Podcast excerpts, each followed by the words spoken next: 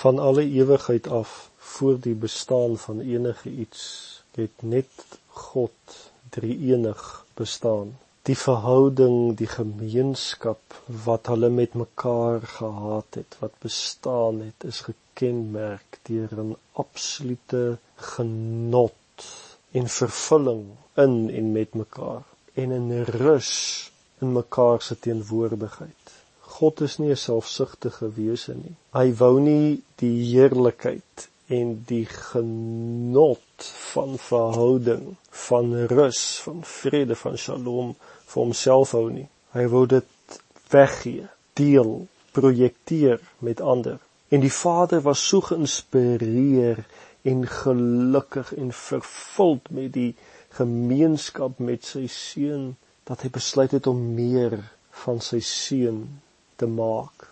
Daarom is die hele wêreld geskep deur Christus Jesus en alles wat ons op aarde sien is 'n skadu of 'n beeld van die bloudruk van realiteit en hierdie realiteit is Christus Jesus. Alles is deur hom geskep, vir hom, in hom en tot hom.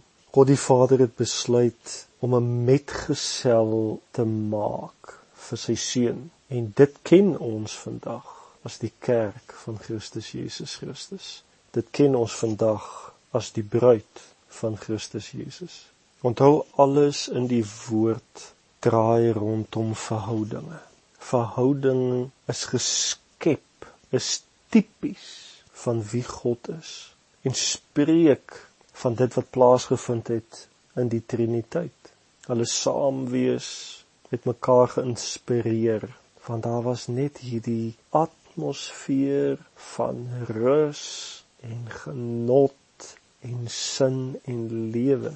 Kyk wat sê Johannes 17 vers 5 en vers 24 en nou Vader verheerlik my by u self met die heerlikheid wat ek by u gehad het voordat die wêreld was.